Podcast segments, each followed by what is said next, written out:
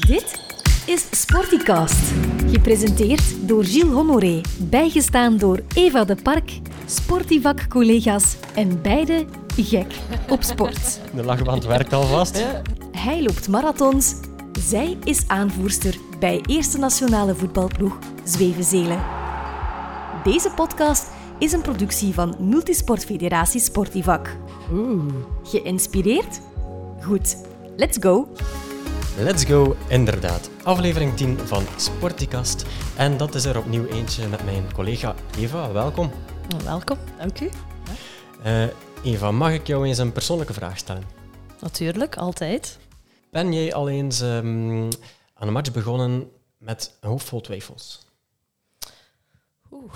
ehm, ja, je, hebt natuurlijk, eh, je hebt natuurlijk mindere en, en betere periodes in, ehm, in uw voetbalseizoen. Ja, ik ga nu over, eh, eh, over voetbal spreken. Ehm, dus er zijn wel matchen eh, waarop dat je inderdaad het veld opstapt, waarin dat je denkt, "Goh, ik heb nu al een paar mindere prestaties geleverd, of ik presteer niet op niveau waar ik normaal op presteer, dat dat natuurlijk wel meespeelt. Ehm, maar echt twijfelen aan mezelf, goh, ik ken mijn, mijn kwaliteiten goed, ik weet wat ik kan, ik weet wat ik niet kan, dus eh, kom daar altijd wel rap bovenop. En zeker eens dat de wedstrijd begint, Ja. Zijn die twijfels weg.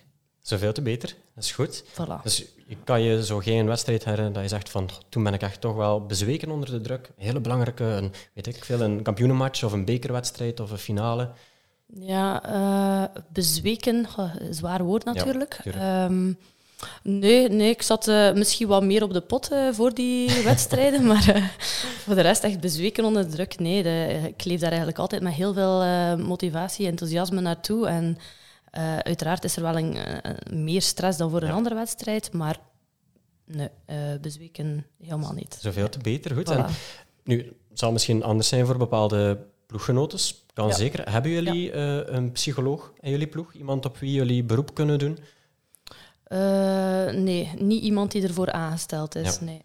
Ehm, eh, soms eh, komen ze, als ik ben zelf de kapitein, komen ze eigenlijk naar mij, speel ik psycholoog. Maar eh, nee, we hebben niemand die aangesteld is binnen, de, binnen de club. Oké, super, maar goed. Als jullie een sterke groep zijn en, en voilà, jullie vervullen zelf die rol een beetje. Voilà, maar dat is misschien Dat een is beetje hetgeen in een teamsport natuurlijk. Je hebt wel je ploeggenoten waarop dat je kan terugvallen. Ja. Hè? En een prestatie is niet alleen, ja, valt of staat niet Ja. met jouw prestatie. Dus Inderdaad. daar ligt misschien wel wat verschil. Maar kijk, dat kunnen we straks allemaal vragen. Voilà, goed wel, want inderdaad, Eva, eh, we zijn er niet eh, met ons alleen. Eh, we zijn vandaag te gast bij Ines Swinnen, topsportpsychologe. Dat is een, moeilijk woord, maar kijk, ik ben er niet over gestruikeld.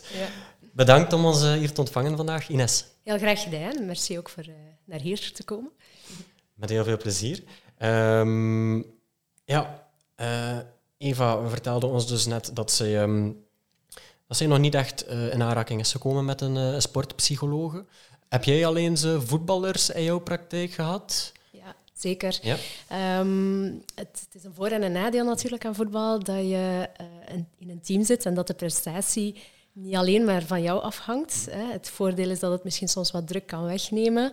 Maar tegelijkertijd ehm, zit je soms in een positie dat je denkt van... ah, ah ja, ik zou eigenlijk willen kunnen winnen, maar, maar de ploeg draait niet. Of Ja. ja, ja ik, ik, eh, ik doe supergoeie passes, maar de Ja, ander helemaal, werkt ja. niet goed mee. Of, hè, dus dat kan ook soms heel wat frustratie opwekken. Hè. Dus er spelen ook wel wat mentale dingen, maar op een andere manier dan in een individuele sport.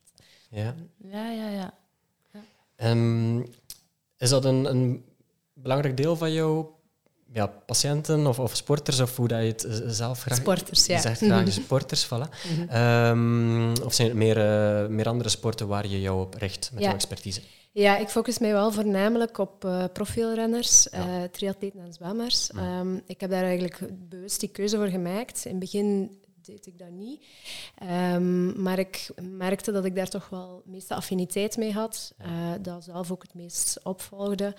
Ehm, ja, die, die, die groep, ehm, dat klikte ook wel vaak op een of andere manier. Ehm, wat niet wil zeggen dat ik niet kan eh, met andere sporters klikken, uiteraard. Eh, er zijn zeker ook nog altijd andere sporters die naar mij toe komen. Maar ik vind het eigenlijk wel fijn dat ik die keuze gemaakt heb. Um, dat heeft mij ook zelf een beetje rust gegeven. Mhm. Omdat je toch een beetje op zijn minst mee moet zijn in de sport. En als je dat voor alle sporten moet doen, is dat wel heel veel. Hè? Uh, en met dat dat toch een sporten zijn die ik sowieso een stukje opvolgde, ja, was eigenlijk gewoon een logische keuze. Ja. En je, je volgt ze op omdat je misschien zelf ook al ervaring hebt in die sporten. Heb je die sporten zelf beoefend? Ja, of? Uh, zowel zwemmen als triathlon heb ik gedaan. Dus ik heb uh, tot mijn 18 competitief gezwommen. En daarna nog wel blijven zwemmen in de universitaire zwemploeg in Leuven.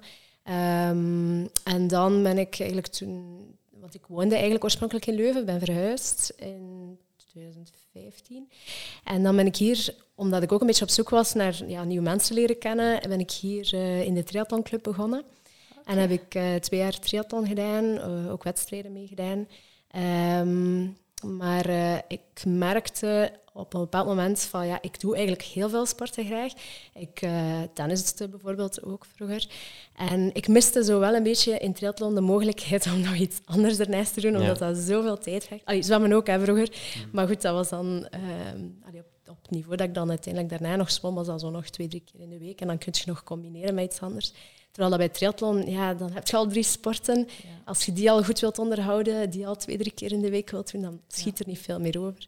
Dus dan ben ik gestopt en dan ben ik um, nog begonnen met badminton en padel. Dus ah, en nu doe ik uh, zwemmen, badminton en padel. Ja. Een gevuld uh, sportief programma. Ja. um, maar goed, dus je bent dan professioneel voornamelijk dus bij wielrennen terechtgekomen. Um, wielrennen, zwemmen, uh, triathlon. Ja soms opklopt. Hè. Ja. Um, dus deels ja, omdat jouw persoonlijke interessesfeer zich daar ook bevond, omdat je die sporten uh, enkele ervan zelf ook gedaan hebt. Um, en dan ook deels omwille van het feit van ja, dat zijn meer de individuele sporten en je teamaspect is daar minder. Ik kan meer werken op het individu ja, dubbel. Want in, in het wielrennen is het teamgebeuren ook heel belangrijk. Ehm, en ik, ik ben zelf, als, allee, van achtergrond ben ik arbeidspsychologe, waar dat je wel meer ook rond die groepsdynamieken werkt. Ja. Um, en, en terwijl als je klinisch geschoold bent, zit je veel meer op dat individuele. Um, nu, beide interesseren mij ook. Ik heb ook heel lang getwijfeld tussen de twee. Um, dan wel gekozen voor, voor arbeidspsychologie, omdat dat ook wel vaker wat meer ging naar het positieve en naar het... Um, ja, het, het, gaat wel goed, maar je wilt het eigenlijk nog beter doen of je wilt uh, nog een stapje verder. Terwijl het klinische soms wat meer de, meer de focus legde op ja, de stoornissen en, en het negatieve. Um, nu, beide zijn belangrijk uiteindelijk. Vandaar dat ik achteraf ook nog superveel bijscholing gedaan heb, ook om dat klinische stuk mee te pakken. Maar um, ja, je ziet in, in het wielrennen dat het, uh, de groepsdynamiek super belangrijk is. Hè. Ik denk uh, heel recent nog uh, dat Jumbo-Visma daar een heel mooi voorbeeld van was. Hè, in, in de overwinning die Wout van Aert aan Laporte mhm. weggaf. Ja. Um, maar je ziet ook in dat team, ja, dat draait ook supergoed omwille van die goede uh, aanpak uh, in dat team en omwille van die goede sfeer. En ik denk dat ze dat um, meer en meer ja, beseffen in het wielrennen ook, hoe belangrijk dat een team is. Um, ik werk ook voor Belgian Cycling uh, sinds vorig jaar. Um, voor de dames, zowel de, de junioren als de U23 als de, de elite. Um, en daar allee, begint toch ook uh, dat besef van zo, ja, dat als groep samenrijden, zeker op ja, belangrijke wedstrijden als EK's of WK's.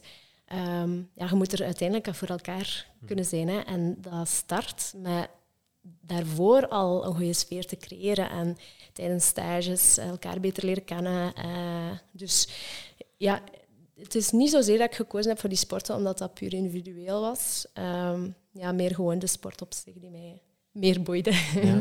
ja. Het, het vrouwenwielrennen is echt wel een enorm, is, heeft een enorme eh, dynamiek meegemaakt de laatste ja, jaren nu toch al. Is, Ja, is ook ja. dat, het feit dat, dat jij daar nu ook bij bent als eh topsportpsycholoog, zijn dat allemaal extra stukjes van de puzzel, waardoor dat die sport ook zo, zo vooruit aan het gaan is? Denk je? Ja, ik denk dat het langs twee kanten werkt. Hè. Langs de ene kant juist door de investeringen die gedaan worden in het vrouwenwielrennen, onder andere door bijvoorbeeld een sportpsycholoog aan te stellen, kan het ook nog meer groeien. En langs de andere kant, omdat het meer groeide, kwam er meer, gel- meer geld ook vrij Ja. om te investeren. Hè. Dus, eh, het versterkt elkaar. Ja. Mhm. En eh, is die aanpak dan anders voor jou als je bijvoorbeeld dan een, een wielrenster of een, een groep voor je hebt dan bijvoorbeeld een, eh, een triatlete? Triatleet? En op welke manier bedoel je een aanpak als in, in de praktijk? Als ik Ja, in de werk? praktijk, ja, hoe dat je dat dan ja, aanpakt. Dat niet zozeer. Nee. Nee, nee, nee. Op zich eh, is de aanpak zeker allee, als ik werk in de praktijk individueel, ja, dan gaat het vaak over het individu. Dan kan het soms al wel eens gaan over ehm, ja, eh, bepaalde ploeggenoten waar je het niet goed mee kunt vinden of die ja, waar je je aan stoort. Hè. Dat kunnen wel aspecten zijn natuurlijk. Ehm, maar in de praktijk zelf is daar niet echt veel anders in. Het is meer eh, tijdens stages, dus voor Belgian Cycling bijvoorbeeld, dat ik dan wel mijn groepsessies ga werken. Ja. Hè. Ja. Dus jij gaat dan bijvoorbeeld mee op stage en dan zijn er vooraf eh, ingeplande sessies met eh, het ganse team bijvoorbeeld. Werken jullie rond bepaalde... Ja, hoe, hoe moet ik dat zien? Ja, ehm, ja, in het begin stem ik altijd wel af met de trainingscoördinator en de, en de bondscoach. Om ook eens te kijken van wat zijn thema's die zij ook veel zien terugkomen bij de rensters. Hè. Bijvoorbeeld stress om te presteren. Eh, omgaan met voeding, hè. dat is toch ook een aspect ehm, in duursporten dat, ja, waar dat sommigen mee, mee worstelen. Dat is zo die Ja. balans zoeken. Ehm, maar ook ouders, hè, daar geef ik ook sessies aan. Want zeker als het dan gaat over de junioren, hebben die nog wel een heel grote impact. Eh, dat kan zowel in goede als in minder goede zin zijn. Ehm, en dan allee, bevraag ik ook sowieso aan de rensters zelf. Wat zijn zelf dingen waar zij mee aan de slag willen? Eh, waar zij last van hebben. Eh, en dat kan dan bijvoorbeeld zijn, van, ja, als het dan bijvoorbeeld even niet goed gaat, hoe kan ik toch blijven doorzetten? Hè? Hoe kan ik daar toch ergens die knop omdraaien ehm, en die klik maken eh, om daar dan mee om te gaan en om dan toch te blijven vechten ervoor. Ja. Dus, dus grofweg mogen we dan zeggen, eh, je hebt de, de algemenere groepsessies die eigenlijk vooraf gepland zijn, sowieso. En anderzijds dan meer, ja, zeg dat juist, het klinische. Er is eh, een, een, een renster die met een bepaald probleem kampt eh, en die kan dan één op één bij jou terechtkomen en dat gaat dan bijvoorbeeld door in jouw praktijk of op die stage gaan jullie zich afzonderen. Ja. Moeten we dat zo zien? Ja. Ja, inderdaad. Ehm, het is inderdaad vaak eerder klinisch als het individueel is. Hè. Dat hoeft niet altijd zo te zijn. Het kan, je hebt ook zo'n beetje het subklinische. Hè. Dat is zo... Ja, ehm, hij presteert en hij functioneert op zich wel goed, maar het is misschien nog even wat minder dan voorheen. En je hebt even een zelfvertrouwen dip en, en dat komt weer snel in orde. Maar er zijn ook wel wat diepere problematieken natuurlijk, ehm, die wel wat meer tijd vragen ook. Ehm, en het is inderdaad zo dat ik eh, tijdens die stages ook wel individuele gesprekken doe. Al is dat niet zo intens natuurlijk als in de praktijk, omdat dat, ja, dat, is niet, oh, dat is niet om de twee of drie weken dat ik naar een stage mee ben. Ehm, dus eh, als er daar inderdaad rensters zijn die veel meer nodig hebben, dan, dan komen die los van Belgian Cycling bij mij Ja. eh, terecht. Ja. Want ik, oh, ik weet het niet, ik kan me inbeelden. Ja, vaak als een, een sporter of een mens in het algemeen kampt met een bepaalde problematiek, ja, dat is niet op, op één sessie dat die problematiek is opgelost. Hè. Eh, dan is daar een traject voor nodig, heel vaak. Ehm, maar stel nu, je zit inderdaad op zo'n trainingsstage of, of misschien zelfs op een toernooi en er komt iemand met echt een, een heel aanwijsbaar concreet probleem naar jou ja, om daar dan mee aan de slag te gaan, je, je hebt dan ook geen toverstaf natuurlijk om te zeggen van kijk, we gaan hier nu eh, een sessie doen van een uur en morgen ben je weer Nee. 100% zelfvertrouwd. Ja, hoe, is toch heel moeilijk. Ja, je eh. probeert dan inderdaad wel op die moment eh, de tools en handvaten mee te geven die kunnen helpen. Stel nu iemand is echt, heeft echt heel veel stress, ehm, dan zijn er wel natuurlijk manieren, ontspanningstechnieken dat je Ja. kan meegeven.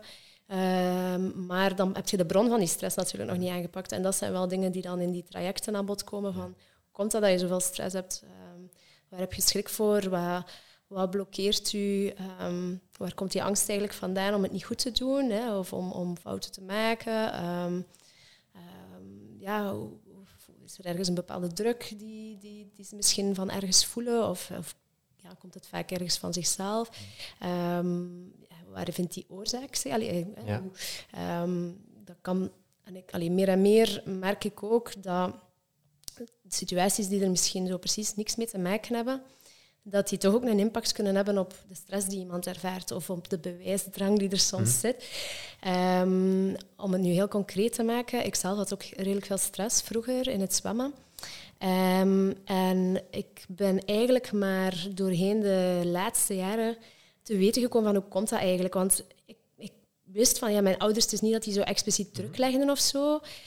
Um, dus ik, ja, dat was zo, het was eigenlijk wel wat complexer. Het zijn eigenlijk verschillende puzzelstukjes. Mijn ouders zijn eigenlijk gescheiden toen ik twaalf was. Um, en um, mijn papa was op zich ook wel zo uh, vrij prestatiegericht en, en, en zo wat perfectionistisch. Um, en een beetje die combinatie van door die, die scheiding zowel wat ja, verlatingsangst ontwikkeld, gecombineerd met dan ja, prestaties zijn belangrijk en als je presteert, dan word je ook wel gewaardeerd of gezien. Dat creëerde zo een stress, uh, onbewust bij mij, van ja, als ik niet presteer, gaan mensen mij verlaten, gaan mensen mij niet meer graag hebben, gaan mensen mij niet meer graag zien. Um, maar dat zijn maar dingen dat je, dat je, dat kun niet op jezelf ontdekken. Dat moet je echt uh, in therapie doen. En uh, ja, het is eigenlijk door, door zelf ook bij een psycholoog te gaan, in combinatie met al die opleidingen die ik gevolgd heb, dat dat besef er gekomen is. Hè. Ja. Hm. Het hoeft niet altijd zo diep te zitten. Hè. Het, kan, het kan ook iets anders zijn of niet zo complex zijn. En maar maar uh, ja, toch zit toch wel vaak wel meer achter dan dat je soms op het eerste gedacht denkt dat er zit. Hè. niet evident om dan soms ja, op, um, op korte termijn zoiets te moeten kunnen blootleggen. Dus, dus ga je dan, als ik het goed begrijp, eerst trachten een, een acuut probleem op te lossen door handvaten aan te reiken. Ja. En dan in het vervolgtraject eigenlijk... Ja, je probeert dat wel, wel te combineren. Hè. Um, dus in eerste instantie is het belangrijk dat die, allee, belangrijk dat die mensen al iets hebben. Hè? Ja. om, om mee te vertrekken, om zichzelf al een beetje tot rust te brengen. Uh, om hun eigen gedachten ook al um, ja, daar rond te, te, snappen. Want ja, het idee dat, uh, dat ik zoveel stress had omdat ik schrik had dat mensen mij niet meer graag gingen hebben, ja, daar moet je ook al even uh, tot zelfonderzoek uh, rond doen om dat te weten. Van, ah, dat is waarom dat ik zoveel stress heb. Of dat is die onderliggende gedachte. Um, en dat al een stukje gaan in vraag stellen. Ja, maar is dat zo dat mensen u niet meer graag gaan hebben? Hè? Een stukje irrationele ervan laten inzien kan ook al een stuk verlichten. Um, en dan inderdaad uh, tegelijkertijd gaan zoeken van oké, hoe is die overtuiging ontstaan? Um, van, vanuit welke ervaringen is dat, zou dat kunnen gekomen zijn? En dan kan je ook wel een stukje gaan verwerken van wat er in het verleden gebeurd is. Dus ik probeer wel altijd op die twee sporen te werken. Mm. ja, iets in het nu en in het, in het, het, praktische, dat ze al mee aan de slag kunnen. En tegelijkertijd toch wat die bron en die, die wortels gaan aanpakken. Want dus ik vergelijk het vaak met zo onkruid. Um, als, u, als de dingen waar je last van hebt, uw onkruid is, ja, dan kun je met onkruidverdelger daarop spuiten. Hè. Dat zijn zo wat die, die technieken om dus jezelf rust te seizoen opnieuw van ah, ja. regen. Ik zou zeggen, laat ze staan, voor de natuur is beter. Ja. um, in die zin is het geen goede metafoor. Al iets anders moeten denken. Um, maar natuurlijk, als je, als je die wortels niet meepakt, dan komt dat onkruid terug hè, in een andere vorm soms. Hè. Maar uh, het is daarmee dat dat ook wel zo belangrijk is om ook daar onderzoek naar te doen. onderzoek klinkt en, maar, eh, Om dat ook bij, bij, jezelf te ontdekken en te beseffen. En alleen al het bewustzijn daarvan kan ook al heel veel doen. Mhm. Ik vind het wel een goede metafoor. Hè. Je, mocht hem, uh, je mocht hem houden. Hè. Als hij wat um, Goed, ja, dus je vertelde al, je, bent, je bent dan vaak mee op stage bijvoorbeeld. Um, misschien ook op, uh, op toernooien dan? Ja, um, iets minder, omdat um, uiteindelijk mijn werk is vooral veel voorbereidend werk. Ja. het is maar bepaalde situaties waarin dat ik uh, echt op wedstrijden zelf nuttig ben. Dat is zo juist inderdaad een beetje die crisismanagement ervoor. Ja. Eventueel hè, daar die, die stress nog net voor de wedstrijd een beetje proberen verlichten. Of als er echt iets zwaar gebeurt tijdens de wedstrijd. Hè, uh, dat ik kan wel opvangen. Um, dus in die zin ga ik niet super vaak mee. Uh, denk nu bij Belgian Cycling ga ik dit najaar naar het EK in Drenthe mee.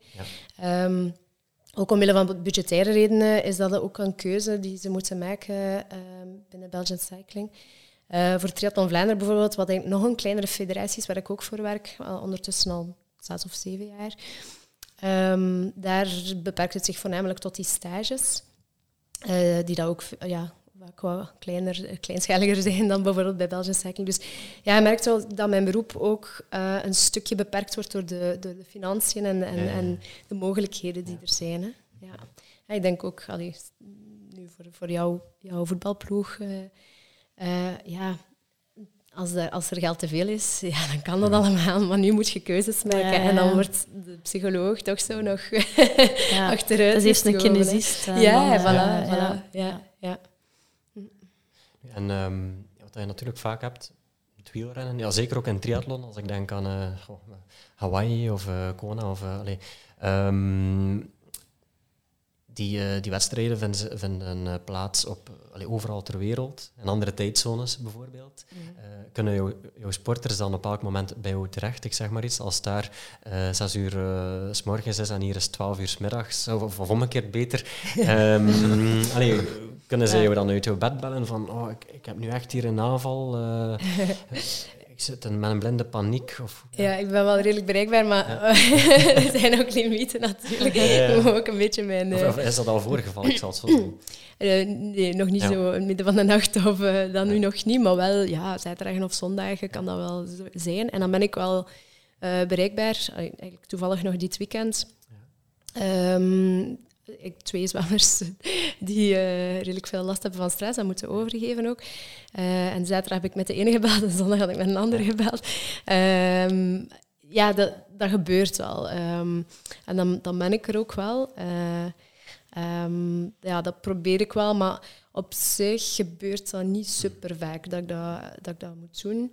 Um, ook omdat ik natuurlijk juist probeer zoveel mogelijk hun sterk te maken in, in zelf uh, te kunnen omgaan met moeilijke situaties. Hè. Dat ik niet uh, telkens ja. de, de uh, spoeddienst ja. moet zijn. Wat houdt die, die spoeddienst dan, dan in? Alleen ze bellen dan op, op, op zaterdag, op zondag, dus allee, dat is dan telefonisch. Ja. Wat doe je dan om hen, hen terug rustig te krijgen of terug klaar voor die wedstrijd? Ja, op zich dat eigenlijk niet zo heel veel anders dan dat ik hier in de praktijk zou doen. Um, dus ik ga ook echt gaan, um, gaan bijvoorbeeld ja, nu zaterdag, van ja, wat, wat, wat, zorgt er nu voor die stress juist? Waar ja. heb je eigenlijk vooral schrik voor? Um, uh, ja, wat, wat is het ergste dat er kan gebeuren? Hè? Dat is ja. ook vaak een heel goede vraag, omdat, omdat mensen ja, soms beseffen van, ja, wat is eigenlijk daar er kan gebeuren? ja, eigenlijk, ja. Het kan niet doodvallen of zo, maar soms voelt het wel alsof ze gaan doodvallen uh, van de stress. um, maar, uh, en ja, terug een stukje die, die, die gedachten in vraag gaan stellen. Tegelijkertijd ook, um, ja, bijvoorbeeld te gaan werken met die ademhaling. Ja. Het is ook vaak zo, als we zo bijvoorbeeld veel stress ervaren, we vinden dat geen fijn gevoel. Dus wat we vaak geneigd zijn om te doen, is we willen dat weg. We gaan dat...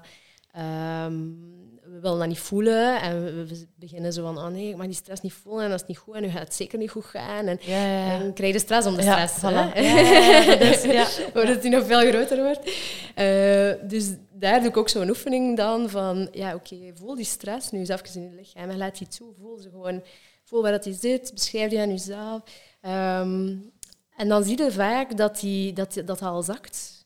Uh, omdat het vaak de stress onder stress is. Hè? Ja. Dat, ja. waar mensen, uh, waardoor dat het zo'n impact heeft. Hè? Ja, ja, ja, ja, ja. ja dat is waar. Dat is waar. Wat je dan nu zegt, Ines, uh, stress om de stress, dat doet mij meteen aan iets denken. Kijk, ik zou meteen willen overgaan op een paar praktijkvragen eigenlijk. Um, en met dat je nu die stress om de stress benoemt, Um, afgelopen weekend nog uh, heb ik zelf een wedstrijd gehad. Um, heb ik een marathon gelopen. En altijd heel herkenbaar, voor, dat zal voor heel veel sporters herkenbaar zijn. Um, zeker voor een, een, een, duurprestatie, een marathon of, of noem maar op, is belangrijk dat je goed slaapt de dagen ervoor. Of eigenlijk ja, de hele week ervoor liefst. Maar. Maar natuurlijk, ja, de nacht ervoor, dan denk je, ik moet slapen, ik moet slapen. Ja, dat lukt en meer niet. dat je denkt, dat nee. moet slapen. Klopt, heel herkenbaar. Ja. Uh, ondertussen uh, heb ik al meermaals gehoord, gelezen van ja, maar ja, het is niet de, de laatste nacht die de belangrijkste is. Eigenlijk is het de voorlaatste nacht. Als je die goed slaapt, Dus ja, dat zou kunnen Het is verlichten. beter van dat zou verlichtend kunnen werken. Maar anderzijds, dan leg je de vrijdagavond al te denken van Oh, nee. vannacht moet ik echt goed slapen. Nee, want het is de belangrijkste nacht. Met als gevolg dat je twee nachten na elkaar ja, moeilijk slaapt. ja. Ehm, het zal heel herkenbaar zijn voor velen. Ja, zeker. Wat kunnen we daar aan Ja. doen? Ja, ik denk dat dat ook niet helemaal klopt, zo die, die nacht ervoor. Ehm, het, is, het is vooral relativeren in eerste instantie, maar ja... ehm, gaat dat nu echt zo'n groot verschil uitmaken op mijn prestatie als ik nu wat ehm, minder geslapen heb? Ten tweede, ehm, vaak... Ik heb zo verschillende slaapfasen. Je hebt zo de lichtere slaapfase. In die lichtere slaapfase eh denk je dat je niet slaapt, maar je slaapt eigenlijk wel. Ehm, en die zijn zeker niet te onderschatten qua rust voor je lichaam. Wat aan mij vroeger, want ik had daar ook veel last van, ook wel hielp, was van ja, ik rust. Dat is al, Ja. dat is al superbelangrijk. Ik lig gewoon te rusten. En dat is al meer als genoeg. En tegelijkertijd inderdaad zo ehm, die gedachtenmolen van oh nee, en dat gaat niet lukken en oh, nu kan ik niet slapen. Ehm, daar zijn ook wel technieken voor eh, die meer vanuit de mindfulness komen. Om een stukje die gedachten eh, op te merken en terug naar je lichaam te gaan. En dat kan bijvoorbeeld je ademhaling zijn, maar dat kan bijvoorbeeld ook zo een bodyscan Ja. zijn. Hè? Dus dat je zo heel je lichaam van boven naar beneden Ja. zo Ja. afloopt. Ehm, en gewoon ja, voelt, of je voelt zo, ah, ik lig lekker warm in mijn bedje, het is hier lekker zacht. Hè? Dat je zo gewoon terug uit je hoofd gaat. Hè? Ehm, dat gaat u veel meer uiteindelijk tot, tot rust brengen. En iedere keer als er terug zo even komt, oh nee, nee, ik slaap nu nog niet, ik slaap nu nog niet. oké, het is niet erg. Hè? Ehm, ja, die gedachten ook even accepteren. Ja, oké, die gedachten komen ook. Ehm, en terug, terug elke keer naar dat lichaam gaan en, ehm, en relativeren. Ja. Dat- ik vind dat dat heel herkenbaar klinkt, want ik heb ook een periode ehm, eigenlijk aan de hand van een, van een app. In slaap gevallen. Eh, goh, hoe noemde die app nu? weer? Ja, iets met ja, mindfulness of, of dergelijke. Ehm, dat je dan een, een sessie had van tien minuutjes en Mhm. dan was er een heel rustige stem eh, die mij vertelde om een keer ja, mijn, ja, van, eh, mijn lichaam inderdaad af te gaan. Tenen bewegen, een keer de kuit en de spieren eens een keer eh, overal opspannen, de omgevingsgeluiden eh, scannen. Ja. En inderdaad, ja, dat, dat hielp heel goed. Het enige ambetante was dat er dan reclame kwam. was je weer klaar wakker. Maar ik vond dat wel, ja... allee, Het, is, het klinkt heel herkenbaar. Mindspace. Eh, ja, het kan. Je hebt, kan. eh, het zijn er, er zijn er ondertussen al verschillende. Headspace, ja, ja, ja, inderdaad. Headspace. Dat is een hele bekende Headspace. Ehm, je hebt ook eentje, Smiling Mind. En die is ontwikkeld door ehm, Australische psychologen in samenwerking met het Nationaal Cricket Team van Australië. En die hebben ook een specifiek stukje rond sport. Ah, ja. Ehm, dus eh, een aantal dingen, bijvoorbeeld ook voor de wedstrijd of voor een training. eh, ja, wat, wat van die oefeningen inderdaad dat je kunt doen om terug met je gedachten in het hier en nu Ja. te komen. Ja, Iets, iets heel frappant eigenlijk ook, van hoe, ja, hoe belangrijk toch de mind en hoe dat we onszelf soms ook kunnen ja, trischen, alleen onszelf voor de hek kunnen houden, eh, dus van het weekend. Ehm, vrijdagnacht had ik dan ja, niet zo super geslapen en ik keek op mijn horloge. Mijn horloge zegt dan ook dat ik niet goed geslapen heb. ja, ja, ja, ja, die Eh, daar. Die Ik had een eh, slaapscore van 63, eh, onrustig. Ah, ja, Dus ja, dan denk ik dan van, ja, het is waar. Mijn horloge zegt het, dus het is zeker waar. Ik heb niet goed geslapen. En dan eh, word ik de zondagochtend wakker en zo van, oh ja, niet zo goed geslapen. En ik kijk, slaapscore 84. Wow, ik heb eigenlijk toch wel ja. goed geslapen, hoor. Dus, en direct was, was mijn, eh, ja. voilà, mijn stemming weer gunstig. eh. Ja, ja, ja, ja, maar dat is zo. Ik heb ook, eh, ik heb ook een horloge. Ik heb ze nu niet aan, want de batterij is plat. Ik moet hem terugsturen naar Polar. maar, ehm, Ja, die van mij is een Garmin, ja. eh, ja, de- maar dat is inderdaad zoiets. Ja, die horloges, dat is ook... Die, die meten via je pols. Hè. Dus hoe betrouwbaar is dat altijd? Dat is, dat is al een Ja, vraag. Ehm, en ja, soms gaan we daar inderdaad iets te veel op af. Ten tweede, dat is gebaseerd op gemiddeldes. Dus je kunt jij een hele periode bijvoorbeeld eh, ja, niet zo goed geslapen hebben. En dan uh, slaap je weer beter. Dan zegt hij, ja, supergoed. Hè? En dan heb je een hele periode dat je goed geslapen hebt, bijvoorbeeld. En dan slaap je zo gezegd wat minder. Maar eigenlijk slaapt je nog supergoed. Maar um, omdat dat dan vergelijkt met die 28 voorbije dagen, ja. kan dat dan zijn dat je slecht zo gezegd geslapen hebt. Maar ja, dat is altijd een beetje zo een, een normaal curve. En ja, dat schuift er dan wat in. Dus Ja, dat is uh, inderdaad soms beter om dat uit te laten. Ja. ik heb het afgeleerd. Ik slaap niet meer met horloge. Nee, nee. En dan heb je ook nog eens dat lichtje soms ja. dan, en dan houd je dan wakker. Uh, dus het is niet altijd zo een voordeel. En ook tijdens het sporten, als je zo bezig bent met te lopen, soms is het beter om ook die horloge en die, die, hoeveel per uur dat je aan het lopen bent, om dat even volledig los te laten. Zeker als je, ja, als je het voor het plezier doet, ja, dan zou ik zelfs zeggen, dat je absoluut niet mee bezig zijn. Want je, je kunt zoveel ook uit je gevoel halen. Hè. Um, er is die Zwitserse wielrenster, Reusser. Um, ja, die, die, uh, die, ja, die koerst op het hoogste niveau. En die heeft een trainer uh, waarbij hij alles op gevoel dus zelfs op, op dat niveau, allee, er zullen zeggen, mensen zeggen niet van ja, dat moet je nu ook niet doen, maar um, door te veel met die data bezig zijn, ja, dat kan ook echt nefast werken op de duur. dus zij weet niet, als ze gaat fietsen, ze weet niet hoe, hoe lang of, of aan welk gemiddelde Zij werken echt op gevoel. Dus, echt, gevoel. Ja, hè, dus uh, ze moet dan inderdaad wel bijvoorbeeld ja, blokjes doen of zo, maar dat is dan echt zo, um, ja, doe aan 80% of zo. Hè, en dan gaat hij op haar gevoel, maar die kent haar lichaam ondertussen zo goed. Ja. Dat hij dat, een goede manier om dat te leren kennen. Ja, natuurlijk, en, en, dat is inderdaad soms het ding met die horloges. Die maken ook dat we niet meer voelen. Uh, niet meer connectie bij ons lichaam blijven maken. Terwijl uh, uiteindelijk is dat superbelangrijk ook in de sport. Niet alleen voor het plezier, maar ook uiteindelijk voor je prestaties. Ja, hoeveel keer dat het al gebeurd is dat ik inderdaad ga lopen en dat je denkt, ja, ik moet hier aan die snelheid lopen en dat je niet meer luistert naar je lichaam van, lukt het wel op die snelheid? of is het nu te rap of te traag? Nee, het is gewoon hetgene wat dat mijn horloge zegt, doen, dat moet ik doen. ja. En dan, uh... Terwijl het op dat moment voor je lichaam misschien beter is om het iets rustiger aan te doen en dat u dat veel meer progressie gaat opleveren dan dat je perfect aan die tijd ja, gaat lopen. Hè? En omgekeerd ook, dat je misschien een supergoeie dag hebt en dat je dan... Ja, ja absoluut. Snel. Ja. Afremmen. Ja. ja dus, uh, goede tips om mee te nemen. Ja. Um, maar daar, daarop aansluitend, uh, nu, nu, we het over lopen hebben, Ines, dus ik zei het al, ik had een paar praktijkvraagjes mee.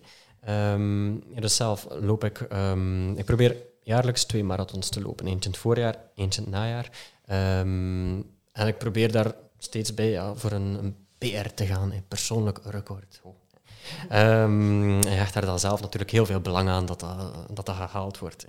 Maar goed, in een sport als uh, lopen, uh, zeker als je een bepaalde chrono wilt neerzetten, ben je niet alleen afhankelijk van jezelf, uh, van de hoeveelheid dat je getraind hebt, of dat je die dag goede benen hebt, maar natuurlijk ook van externe omstandigheden. Zeker. En ja, een klassieker daarbij is zeker en vast het weer twee weken vooraf. Ik heb nu een app, Windfinder. Oh, nee. Een hele goede app. Maar ja, twee weken op voorhand begin ik al te kijken welk weer. En ik weet, het is absurd. Hè. Uh, twee weken op voorhand kan die app dat onmogelijk weten, maar toch. Uh, ik ga gaan piepen in die app. Oh, het ziet er goed uit. En de andere dag, oh, nee. verdorie. Hè. En, um, ja, verschrikkelijk. En, en ja, maar hoe, hoe zet je dat uit? Of hoe, ja, wat u daar druk om? Hè? Zijn jouw handvaten naar veel ja.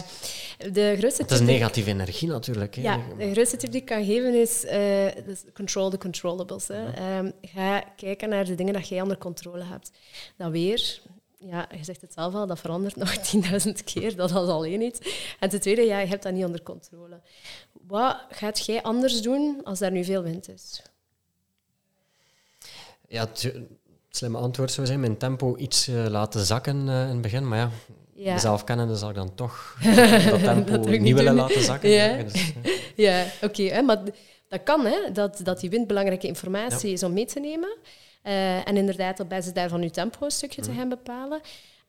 tegelijkertijd, ja, de wind kan ook nog veranderen tijdens uw parcours. Ik heb nog gezien. Ja, dus eh, ook daar kun je een stukje wel afgaan op de info dat je op dat moment binnenkrijgt van de wind. Moet hier veel wind? Ja, ik moet hier nu niet per se proberen die tijd of die tempo te proberen aanhouden. Uh, maar dan hoef je dat in feite niet op voorhand op te zoeken. Want je weet wat je moet doen op dat moment. Um, als je dat twee weken op voorhand opzoekt, ja, op dat moment kun je er niets aan doen. Dus dat geeft je inderdaad alleen maar stress en gaat je alleen maar doen piekeren. En, Um, ja, dus, en dat heb je niet onder controle. Dus, uh, ja. ja. Control the controllables. Ja, en het, het, ding is inderdaad, waarom zoeken we dat op? Omdat we denken van, ah, oh, dat geeft mij controle. Mm, ja. Um, Oké, okay, dus dat was eentje. Um, nu, uh, nog zo'n een klassieker bij mij dan. Eh, maar ja, denk, het ligt wel in dezelfde sfeer hoor. Ehm, zo een paar weken voor, voor de wedstrijd ben je zelf hopelijk in topvorm. Eh, dus eigenlijk kan het alleen nog maar ehm, ja, misgaan vanaf dan. Oké. dus, ja, dat is, al, dat zit zo in mijn hoofd, precies. Ja, ik ben al niet mee waarom het dan Nee, zou ja, misgaan. nee. Ik denk van ja, goed, eh, ik ben nu volledig klaar voor de wedstrijd. Twee weken voor de wedstrijd, de trainingen zijn gedaan. Eh, dus ja, beter ga ik niet meer worden. Ik kan alleen nog maar slechter worden. Dus ik kan bijvoorbeeld slechter worden door nog ziek te worden. En- en- dat gaat er zo in mijn hoofd om. En ik mag er een gif op innemen. Eh, twee weken voor de wedstrijd begint eh, die collega te hoesten. Ga je bij vrienden op bezoek en zitten die met een zieke kleine. En iedereen is plotseling ziek. Ja. En je denkt van, ja, ik ga het hier te pakken hebben. Ja. En dus inderdaad, ja, control the controllables. Hm. Eh, zou misschien van toepassing kunnen zijn. Alhoewel, ik ga dan snel al zeggen van ja, eh, ik, ik ga niet naar die vrienden, want ik weet van ja, ik zou daar kunnen besmet raken. Is dat dan een overdreven reactie? Of hoe, is dat iets dat je vaak tegenkomt ook in de praktijk? Of wat denk je daarvan? Ja, daar rond dat ziek zijn heb ik nog niet super vaak gehoord. En ook niet van, eh, het kan nu alleen maar slechter gaan.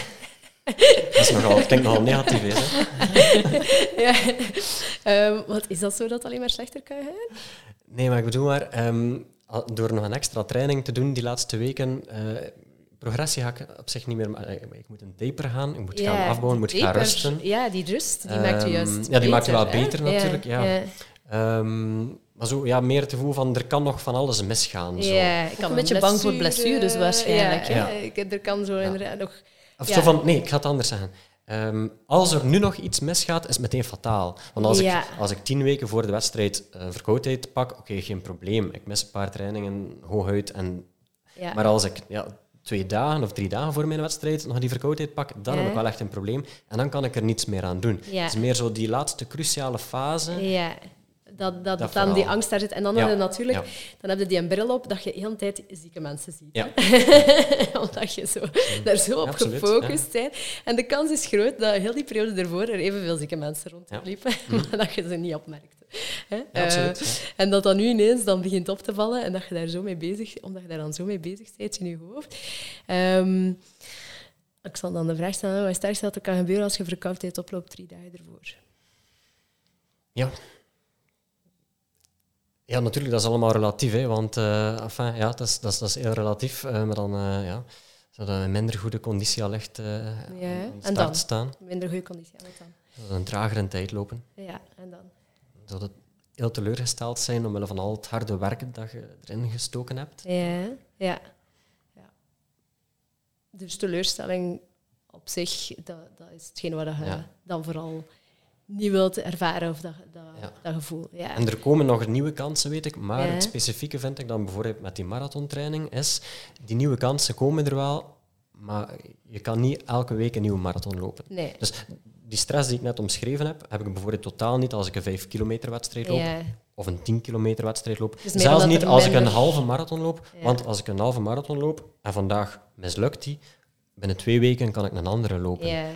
Met een marathon is dat wel iets speciaal. Eh, want ja, als je het een beetje goed wil doen, heb je Ja. twee kansen op een jaar. Ja. Hooguit drie. Allee, je hebt er natuurlijk altijd die tien marathons lopen op een jaar, maar... Ehm, dus ik denk zo, dat vooral. Zo het idee van, ik heb maar één kans Ja, en ik moet er nu moet het, staan. ja. En dat weet ik in mijn hoofd natuurlijk ook wel. Ja, het is niet dat ik een atleet ben die één kans heeft op de vier jaar om hier op de Olympische Spelen te staan. Want, oh my god, wat moet die dan wel meemaken? Ja, Dat moet pas echt verschrikkelijk zijn. Eh, maar zo voelt het bijna wel aan. Zo van, ja, ik heb nu één kans en dan binnen een half jaar nog een keer een kans. Ja. Ja, ja, ja. En dan, En, dan die kans gaat over je persoonlijk record verbreken, ja. hè? Sowieso Ja. Wedstrijd lopen, ja. Ah, Ja, wel wat ik daar zo wel tussen de lijnen door hoor, is inderdaad zo, ik moet elke keer mijn tijd verbeteren. Hè? En dat mag niet om een keer iets minder te presteren. Dat hoor ik daarachter zitten. Ja. En is, is Ja. dat eigenlijk haalbaar?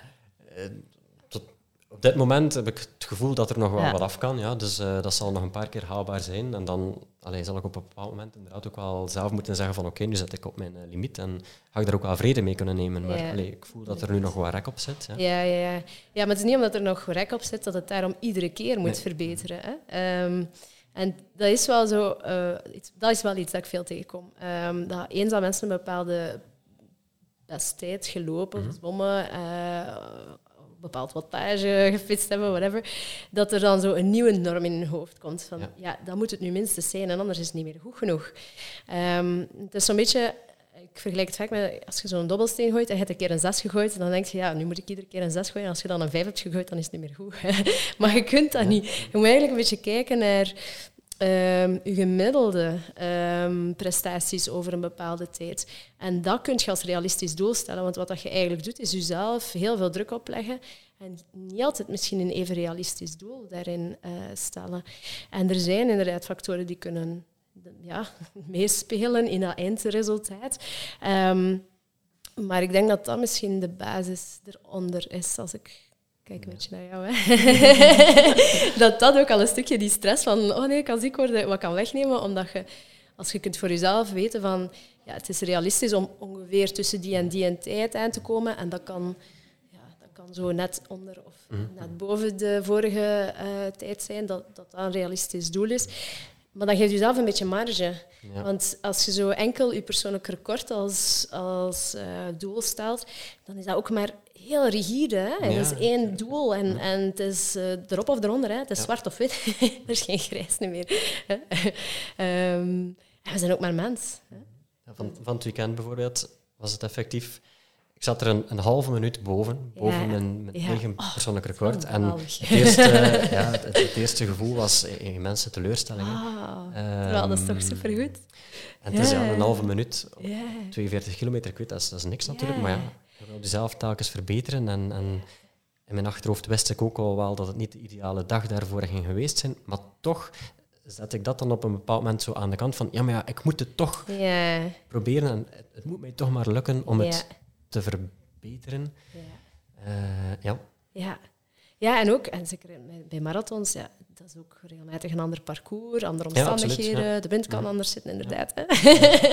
er zijn zoveel dingen die je resultaat beïnvloeden, ehm, dat te veel focus op het resultaat leggen u eigenlijk alleen maar stress leg- geeft. Wat je beter doet, is zo wat doelen stellen naar de manier waarop dat je het aanpakt tijdens. Hè. Ehm, dat, je, dat je zegt van, ja, ik wil... eh, bepaalde vaste momenten zien dat ik eh, gegeten en gedronken heb, dat ik, ehm, ja, dat ik eh, bijvoorbeeld mentale doelen dat je stelt, van ja, ik wil, eh, ik wil met mijn focus proberen blijven bij, bij mijn ritme bijvoorbeeld en niet te veel bezig zijn met de anderen. Als je jezelf zo'n doelen stelt, dat is opnieuw, dat zijn dingen dat je veel meer onder controle hebt, dat Ja. jij kunt voor kiezen. Dat eindresultaat, dat heb je nooit 100% in de hand. Er zijn zoveel factoren die meespelen. Oké, goed. Wel, mm, denk nu opeens eh, terug aan een, aan een moment dit weekend. Het gaat eigenlijk niet echt over competitiesport of zo, maar het gaat eh, eerder over het mentale aspect. Ehm, ik was met een, een vriendin gaan wandelen en we hadden onze, onze wandeling uitgestippeld en we gingen een 36 kilometer wandelen. We gaan een keer, Stevig. ja, we gaan een keer echt zot doen, we gaan een keer 36 kilometer wandelen. En eh, we zijn bezig, we komen in de buurt van die, van die 36 kilometer eh, en we voelen toch van, oké, dat begint hier toch wel wat lastig te worden. We beginnen onze spieren te voelen. We merken van, oei, andere beweging dan de, de stapbeweging, dat lukt niet meer zo goed.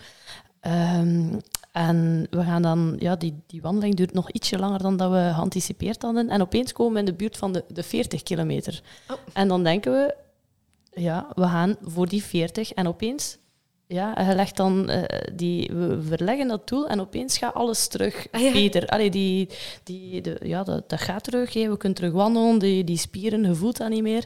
En dan hebben we die 40 bereikt en alles stort dan terug.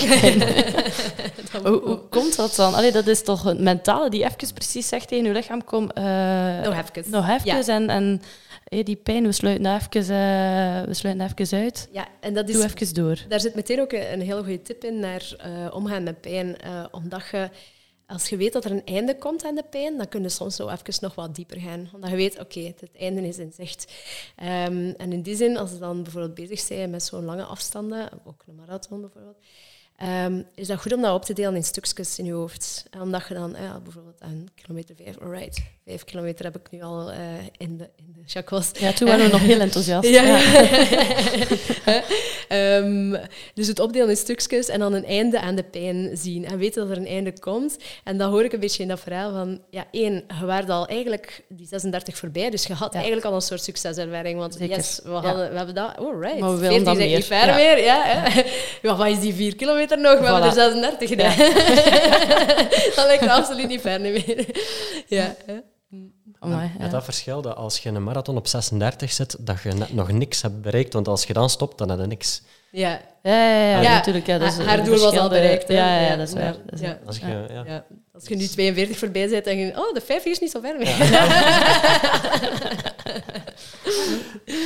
Maar ik denk dat toen mij denken aan iets dat ik ooit eens las van Wout van Aert, toen hij nog heel actief in het veld reed. Allee, het, is, het is jaren geleden volgens mij. Eh, en dat hij zoiets eh, zei van ehm, mijn finish ligt telkens achter de volgende bocht. Of zo, meen Ja. het mij te herinneren. ja. Is iets gelijkaardigs. Ja, klopt, Ja. inderdaad. Ja, ik denk dat hij dat toen ook van zijn eh, sportpsycholoog mee had. En ik weet nog dat hij daar toen een keer ehm, zo diep gegaan is dat hij van zijn fiets viel. Ehm, ja, dus het kan ook soms een gevaar inhouden dat je dan te ver gaat. Ja, dat zo, zo diep kunt gaan. Eh, ja, maar inderdaad, ja. het is dat principe. Ehm, goed, iets over, eh, over fietsen. Kijk, we zijn bij het fietsen. eh, zelf spring ik ook wel eens graag op een koersfiets. maar dat is dan echt recreatief en meer een functie van, van het lopen ook. Ehm, ik doe het heel graag, maar toch, en ik weet niet van waar het komt, eh, is er bij mij altijd een soort schrik aanwezig om te vallen. En vooral dan denk ik al verder van, als ik straks val met mijn fiets, dan ga ik niet kunnen lopen, dan ga ik weer trainingen missen, enzovoort enzovoort. Ja. En ik zie het ook altijd al voor mij, en het zal altijd de, de ergste val zijn, al echt in de, de Ja. wielergeschiedenis, en ik zal al mijn botten breken. En, eh, terwijl Doemscenario. ik, ik heb nog nooit, ik hou het vasthouden, maar ik heb nog nooit iets gebroken. Ik kan me ook niet herinneren dat ik eens zwaar gevallen ben met de fiets, of überhaupt gevallen ben met mijn koersfiets. En toch zit die angst er altijd in, eh, waardoor ik dan ook altijd ga gaan fietsen als het droog is. Nu, Ja. recent heb ik twee kleine overwinningen geboekt op mezelf. Ik had afgesproken met vrienden om te gaan fietsen. En het regende dat het goot. En we hadden echt een tour van 100 kilometer eh, naar um, Pays de Collines uitgestippeld. En voilà, eh, het was zalig. Het was Flandrien weer ten top. Mhm. Ben thuis geraakt, niet gevallen. Geen schrik had ook niet. Super, hè? En achteraf gezien, ja, een kleine overwinning toch. Maar Zeker. dat ik me toch afvraag, van waar komt die schrik dan toch? Ja, het kan een beetje passen in het verhaal van wat je daar straks zei, van eh, die schrik om die verkoudheid, dat dat zo'n beetje in dat rijtje past. Alles wat aan mijn lopen kan om zeep helpen, en dat dat gewoon een, een, een mogelijk scenario is. Ehm, ik weet niet of dat het een beetje zo is, dat het Ja, misschien gewoon in dat rijtje past. hè, want dan, dan hoeft het ook niet per se altijd zo te zijn dat je al een keer gevallen bent om die schrik te hebben, maar dat je dan vanuit die stress... ehm, als ons lichaam in stress is, dan gaan we heel veel vaker zo de doemscenario's zien. Mhm, ja. Eh, en dan spreidt zich dat uit op alle vlakken. Dan maakt dat niet uit of dat je dat al eens hebt meegemaakt of niet. Dan zijn we zo... Ja, ehm, dat is zo in, in het online, programma noem ik dat de adviseur. Ehm, eh, de adviseur is eigenlijk... Ieder van ons heeft dat zo in ons. Dat is zo dat deeltje in ons dat ons ehm, helpt om te overleven. Maar die ziet ook alle gevaar. Ehm, het is zo... Als je vroeger, heel, heel, heel vroeger, verschillende soorten mensen had, had een de eerste soort mens die, die durfde niet uit de grot te komen. Die- Die bleef in zijn grot, die ging geen eten zoeken. Ehm, die had te veel schrik dat er iets ging gebeuren. Had een tweede soort mens, die had nergens schrik voor. Die ging gewoon eten zoeken. Als er daar iets ritselde in de struikjes, oh, dat zal wel niks zijn. Hè? Ehm, en dan een derde soort mens. En die derde heeft ook wel wat schrik, maar die gaat wel naar buiten om eten te zoeken. Maar van zodra er iets ritselt, is hij ook al snel terug in zijn grot. Ja. Welk van die drie overleeft er? De derde. De derde, ja. Hè? ja. De eerste gaat dood, want hij heeft geen eten. De tweede gaat dood, want hij wordt gepakt door een tijger. en de derde overleeft. Maar wij zijn allemaal voortgekomen uit die derde. Hè? Dat is ook waarom dat wij nog leven. Als mensheid zijn voortbestaan. Ehm maar we hebben dat dus ook nog altijd, ieder van ons, in ons zitten. En bij de ene kan die adviseur al eens wat sterker zijn dan bij een andere. Ehm, maar die ziet dan ook snel de doemscenario's.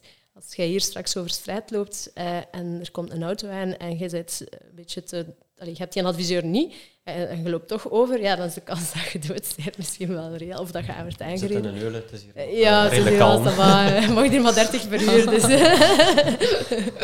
Ehm, Dus je hebt die nodig, maar die is soms wat overactief. Hè? En ik, ehm, op die momenten is het beseffen van, ah, dat is mijn adviseur die hier mij overneemt. Hè? Ehm, eh, en, en die al de doemscenario's voor zich ziet. Uh, heb je vaak te kampen met renners eh, die uh, schrik hebben, maar misschien dat wel net na een valpartij, na zo'n trauma bijvoorbeeld. Dat kan ik me beelden. Ja, ja. ja zeker en vast. Um, ja, in het wielrennen, er, er, wordt al eens een keer gevallen en soms ook al eens serieus. Mhm.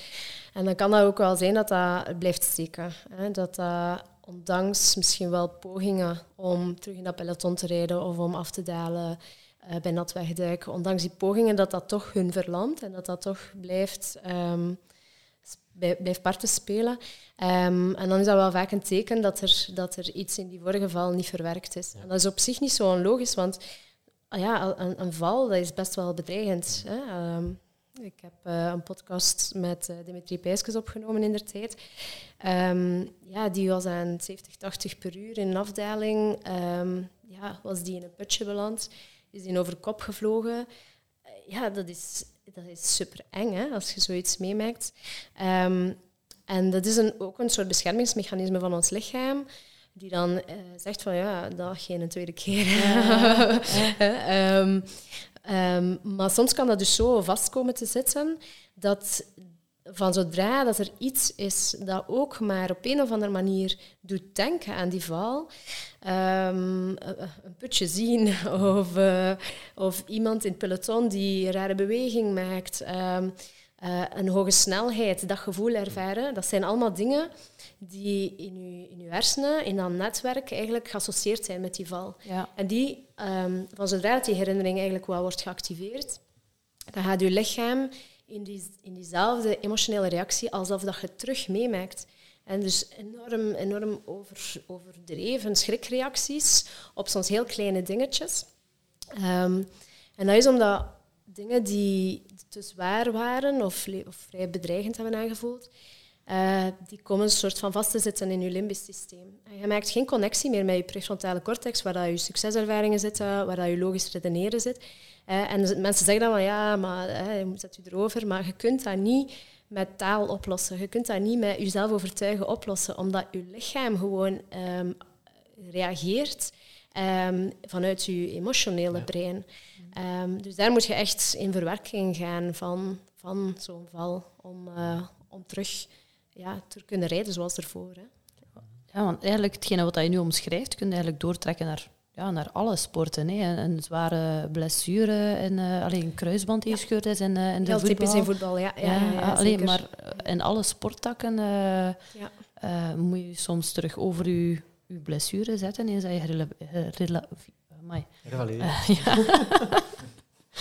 dat is, dus allee, hij zegt, ja, door het jezelf uh, te zeggen van zet u erover, dat gaat niet. Maar ja, hoe pak je dat dan aan? Want niet elke uh, voetballer uh, of, of, sporter die terugkomt na blessure gaat een, een, sportpsycholoog gaan opzoeken, denk ik. Nee, en het kan zijn dat je, dat, dat niet blijven hangen is. Hè? En dat je wel in het begin een beetje angst hebt, wat logisch is, maar dat je door, door ja, toch een beetje uit die comfortzone te gaan, terug succeservaringen opdoet en dat je dat je voelt van oké, het is safe, hè? het is veilig. Het heeft ehm, waarschijnlijk ook een beetje te maken met het, het soort mens dat je bent. Uh, zoals dat je dat net hebt beschreven misschien. Het, uh, um, ja, of je een sterke adviseur hebt, ja, kan dat... een stukje meespelen. Um, maar ja, als iets zwaar genoeg is, maakt het niet uit bij wie dat gebeurt. Hè. Okay. Dan, uh, ja. Of herhaaldelijke kruisbandblessures.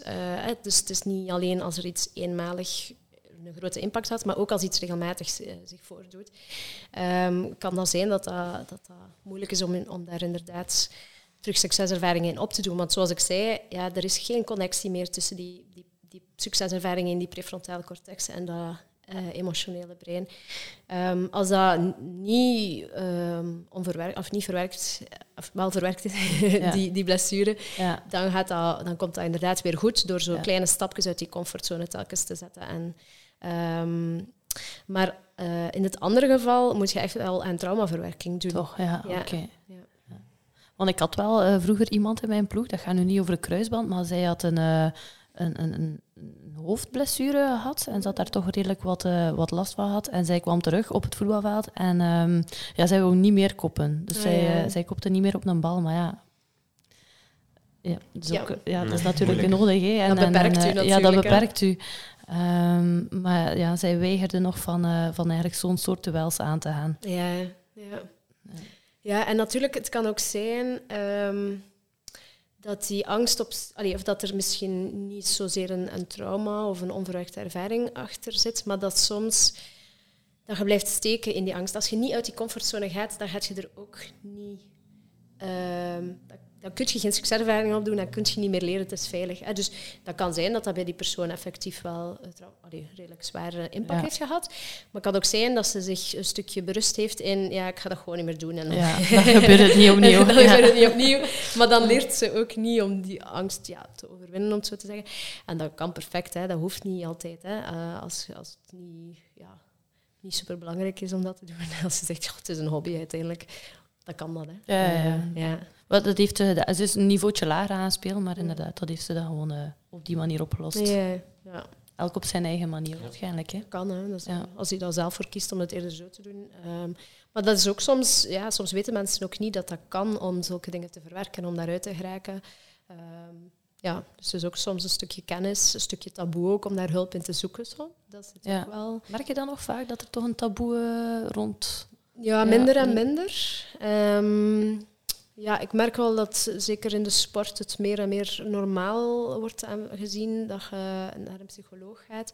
Maar eh, ja, het zit er toch nog wel een beetje Ja. hoor. Het is niet dat mensen er zo gemakkelijk open over praten. Al merk ik dat dat... Dan hoor ik zo eens een keer iemand in de praktijk... Ah, een diene komt hier ook, heb ik gehoord. ja, ja. Dat, is, dat is een goed teken. Dat is Ja. goed, ja, dat is, Ik denk inderdaad dat de, de sportarts en de kine en, en zelfs de osteopaat, allee, dat is...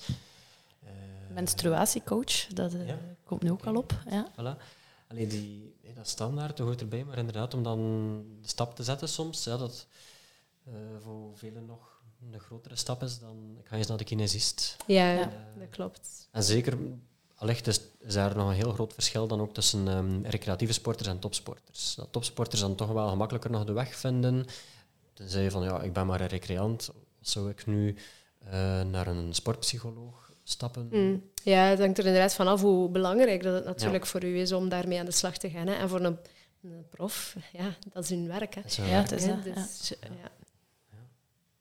Ehm, Tijd voor nog een praktijkvraagje. Ja, we hebben ook ehm, een stagiair aan boord, eh Jentel Bille. Ehm, die naam zal bij, eh bij volleyballiefhebbers al echt wel een belletje doorinkelen, want hij speelt bij Eerste Nationaler ehm Menen. hè. Inderdaad, ja. Ja, voilà. Hij is hier bij ons aanwezig. Eh, en Jentel had ook een vraag. Eh, je mag ze zelf stellen, Jentel. Ja, misschien eh, is dat het beste. Ehm, ja, concurrentie is heel belangrijk in topsport, denk ik. Dat hoort er ook bij.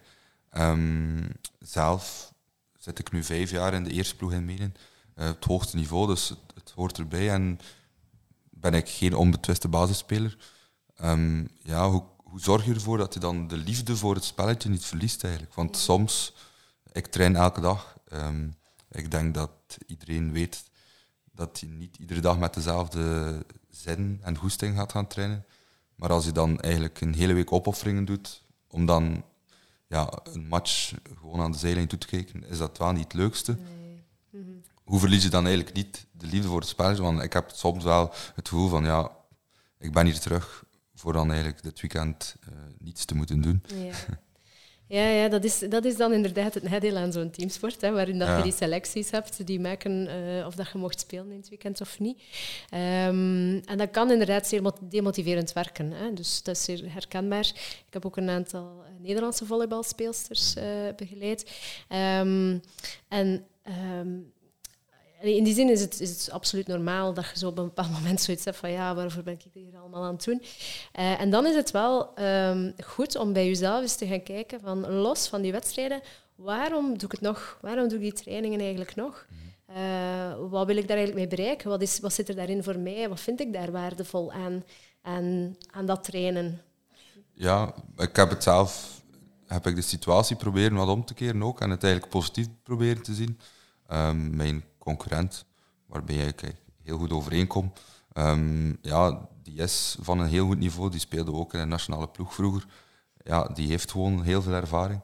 Ehm, en ik dacht ook van ja, soms zit mijn niveau daar toch wel dichtbij en soms krijg ik wel kansen. Ja. Ehm, dan is het wel natuurlijk de zaak om die te pakken. Dus dat brengt ook iets, Mhm. iets, eh, ja, iets van druk mee. Maar ik heb ook gedacht van ja, ik heb wel mijn plaats binnen het team. In de volleybal is dat dan, zijn maar met twaalf, dat je bent er altijd aanwezig. En ja, ik zorg er wel voor dat hij ook getriggerd is om zijn hoogste niveau te Ja. moeten spelen. Ja. Dus zo probeer ik het eigenlijk positief te zien. ja.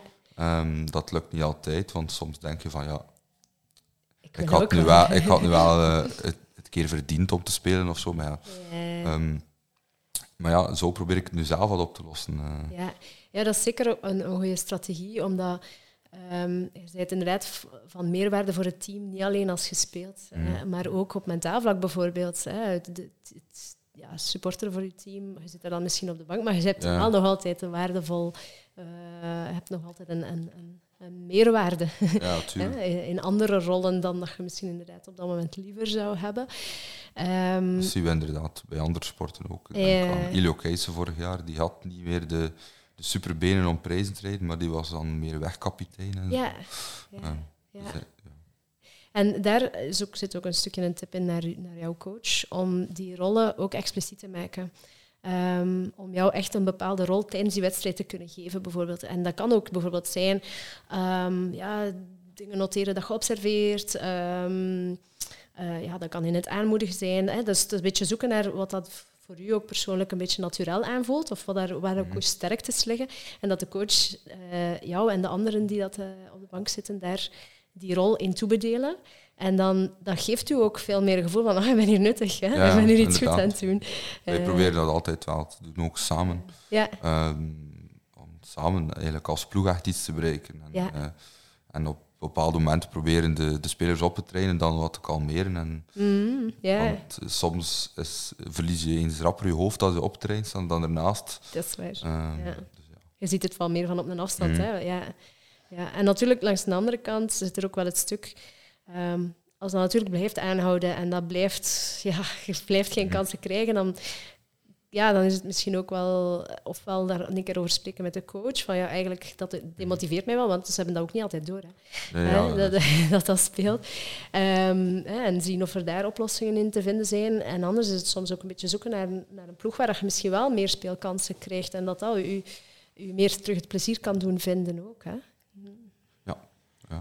Ik snap het volledig. Jentel is een menenboy, hè. Ja, We gaan niet snel veranderen. mijn vraag eh, ligt ligt bij mijn stad. ja, ja, ja, wel, dat is ook oké. Maar ja, Ja. dit jaar eh, waren er kansen. hè. En, eh, en hij probeert ook wel, eh, hij weet dat ook, dat hij een heel ploeg nodig heeft. Hij probeert ook wel eh, Mhm. iedereen eigenlijk ja, te betrekken in het team. Ja. Eh, er zijn altijd wedstrijden die iets minder belangrijk zijn of tegen een tegenstander dat je denkt van ja, daar kunnen we wel eens eh, andere mensen laten spelen. En Mhm. dat is ook gelukt. Ja, en ik denk ook dat ehm, als het dan gaat over die trainingen bijvoorbeeld, en je zegt van ja, ik geef er zoveel voor op en ik doe er dan zoveel Mhm. voor. En ehm, op termijn gaat u dat wel meer kansen brengen om dan de, de Ja, basis het, te het zorgt er ook voor als er dan, je weet nooit met je concurrent of met een teammaat die een slechte dag heeft of er gebeurt iets, dat je wel klaar bent Ja. om, eh, om zelf een goede prestatie neer te Ja, voilà. Het is dat, hè. Ja.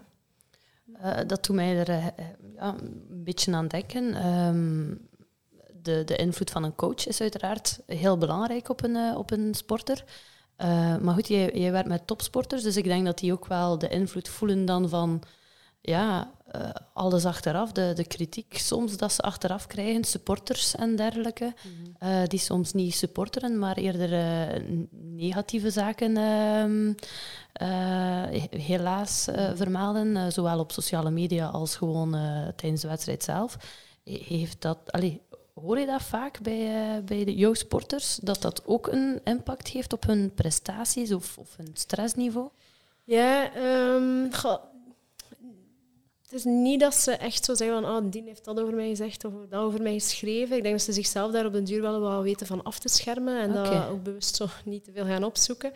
Ehm, wat dat er vaker speelt nog, is het uh, idee in hun hoofd over wat de mensen gaan zeggen. Ja. Uh, oei, ja, ik heb nu niet goed gedaan, wat gaan ze nu wel niet zeggen over mij? Wat gaan ze denken?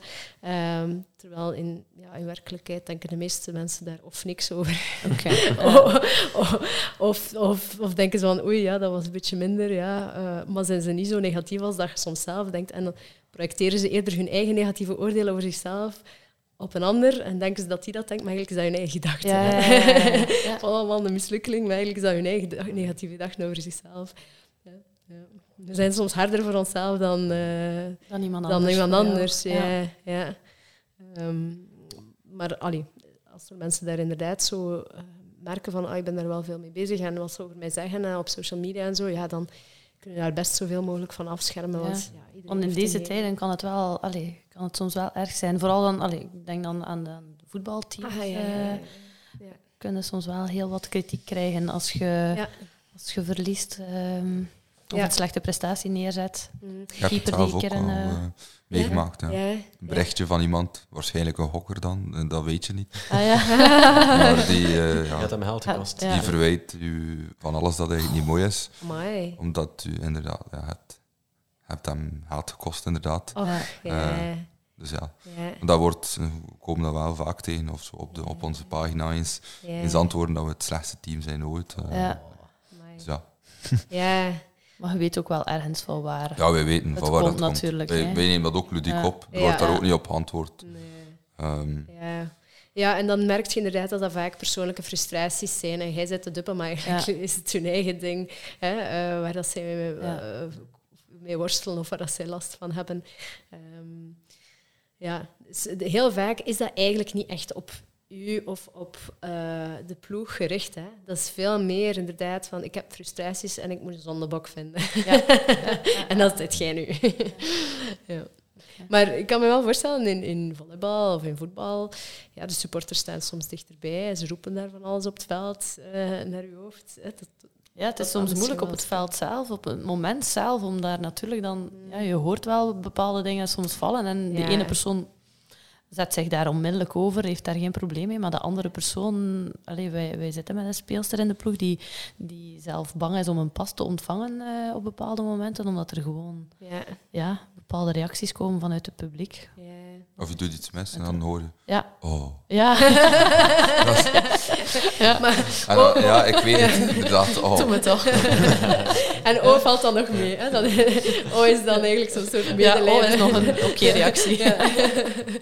Ja. De, de, ene persoon legt zichzelf ook meer druk op dan de andere, is mentaal weerbaarder, uh, heeft een betere omkadering misschien. Dus misschien samenvattend, ja, wanneer, uh, wat is nu de check waarbij je kan zeggen van kijk, ja, hulp is echt wel aangewezen. Wanneer dat, uh, een bepaalde trigger, hij zegt van oké, okay, nu zou je toch ja, best professioneel laten ja. begeleiden, wanneer dat het zo belemmerend wordt of, of ik denk dat dat heel persoonlijk is, maar ik denk dat de voornaamste uh, indicatie vooral gaat zijn als die persoon daar al heel lang over aan het denken is, van, of daarover twijfelt, of veel mensen dat zeggen van zouden niet eens beter.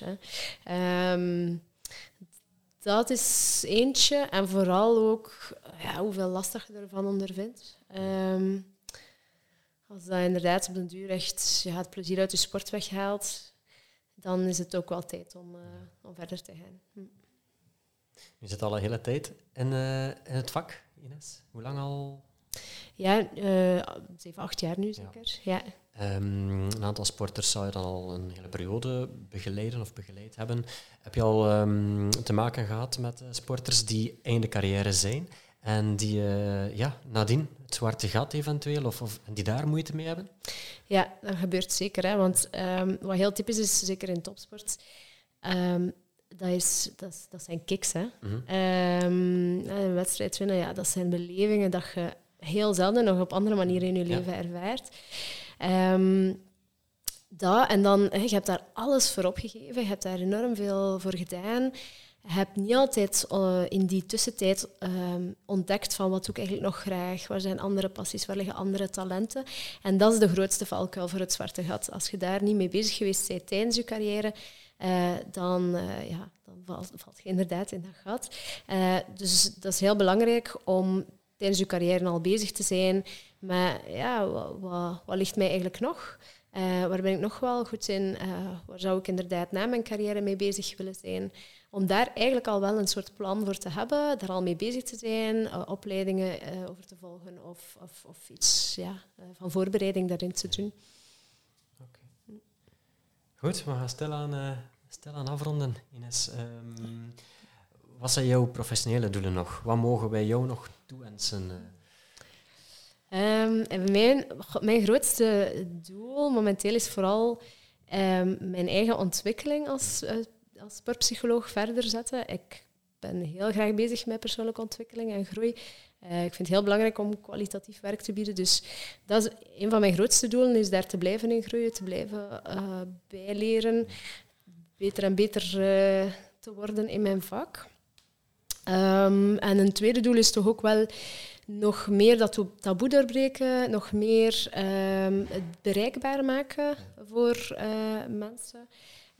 Um, vandaar dat ik ook wel veel investeer in, uh, in social media en, en Instagram en, en, daar tips en posts en probeer uh, mee te geven om, om ook zo wat, ja, wat is sportpsychologie ook eigenlijk, hè? wat houdt dat eigenlijk allemaal in? Um, en dan allee, op termijn, ik heb al een online programma waar Jill al ja. kennis mee gemaakt heeft. Um, is het ook wel de bedoeling dat ik dat wat. Allee, want nu doe ik dat enkel, of geef ik dat enkel aan uh, de sporters waar ik individueel ook mee werk. Is het wel de bedoeling dat ik dat ook wel breder um, kan aanbieden, zodat mensen ook, ja, soms, soms zeggen mensen van ik doe het liever zelf. Hè. En met een online programma is dat dan wel gemakkelijk. Dan uh, kunnen ze daar heel veel, heel veel in terugvinden. Um, als ze zeggen, ah, dat is ook soms gewoon een makkelijkere stap dan in gesprek te gaan. Of, uh, ja. ja. Oké. Okay. We daar heel veel succes mee wensen, sowieso, uh, ja. met al Absoluut. doelen. Ja. En wat is je Instagram-pagina? Uh, dat is de luisteraars. Ja, Ines Winnen, onderscore sportpsycholoog. Voilà, bij deze een paar volgers bij. Ja. Hopelijk. Ja. Goed, allerlaatste vraag, Ines. wie zou jij graag eens horen in onze podcast? Wauw. Daar heb ik nu niet over Iemand die jou misschien intrigeert? Of, um... of iemand waarmee dat je al gewerkt hebt misschien? Ja, ik ben zo aan het denken... Um, er zijn zo, er is een sportarts die ik gedacht heb, maar die gaat dat niet doen. die gaat daar geen tijd voor maken. Oh ja, we hebben hier ook al uh, Wout van Aert als uh, suggestie ja. gehoord. Uh, ik denk ook niet dat hij dat zal doen. Maar, ja, ik kan wel proberen natuurlijk. Um, ah, misschien iemand waar dat jij naar, naar op hebt gekeken ook, tijdens je, je sportcarrière. Ja, ik heb opgekeken naar uh, Fredje de Burgrijf in mijn tijd. Uh, ja. Allee, ja, dat was al van voor mijn tijd, maar ja. ja. toch, uh, ja, als hij, als hij dat zitten, is dat misschien wel interessant. want hij heeft uh, totaal het zwemmen achter zich gelegd. dus ik vind dat wel heel boeiend. Van hoe kun je dan zo lang in dat zwemmen zoveel tijd investeren en dat eigenlijk, eigenlijk hm, misschien toch niet zo graag doen. En dan, of zo'n degoe van gekregen hebben. Hè, wat is er daar gebeurd? Hè? Dus uh, vanuit psychologische oogpunt wel interessant. interessant ja. Absoluut. Oké, okay, ja, wie weet. Fredje. We zullen, uh, we zullen zien. We zullen een berichtje sturen op Instagram. Ja, voilà. Weet nooit. Goed, super. Uh, rest me alleen nog om uh, jou heel hartelijk te bedanken, Ines, voor jouw tijd, voor ja. jouw tips, adviezen, handvaten. was uh, heel interessant. Absoluut, absoluut. Graag um, Jentel, ook graag gedaan. Bedankt voor, voor de input. Graag gedaan. En Eva, ook fijn dat je er opnieuw bij was. Ja, heel graag. Zo. En aan de luisteraar, uh, bedankt om alweer te luisteren naar uh, deze aflevering van Sporticast. En dan zeg ik heel graag tot de volgende, tot de volgende Sporticast. Genoten van deze aflevering? Volg dan Sporticast op Spotify. En volg ons via Instagram om op de hoogte te blijven van nieuwe afleveringen. Sportivak zet iedereen in beweging.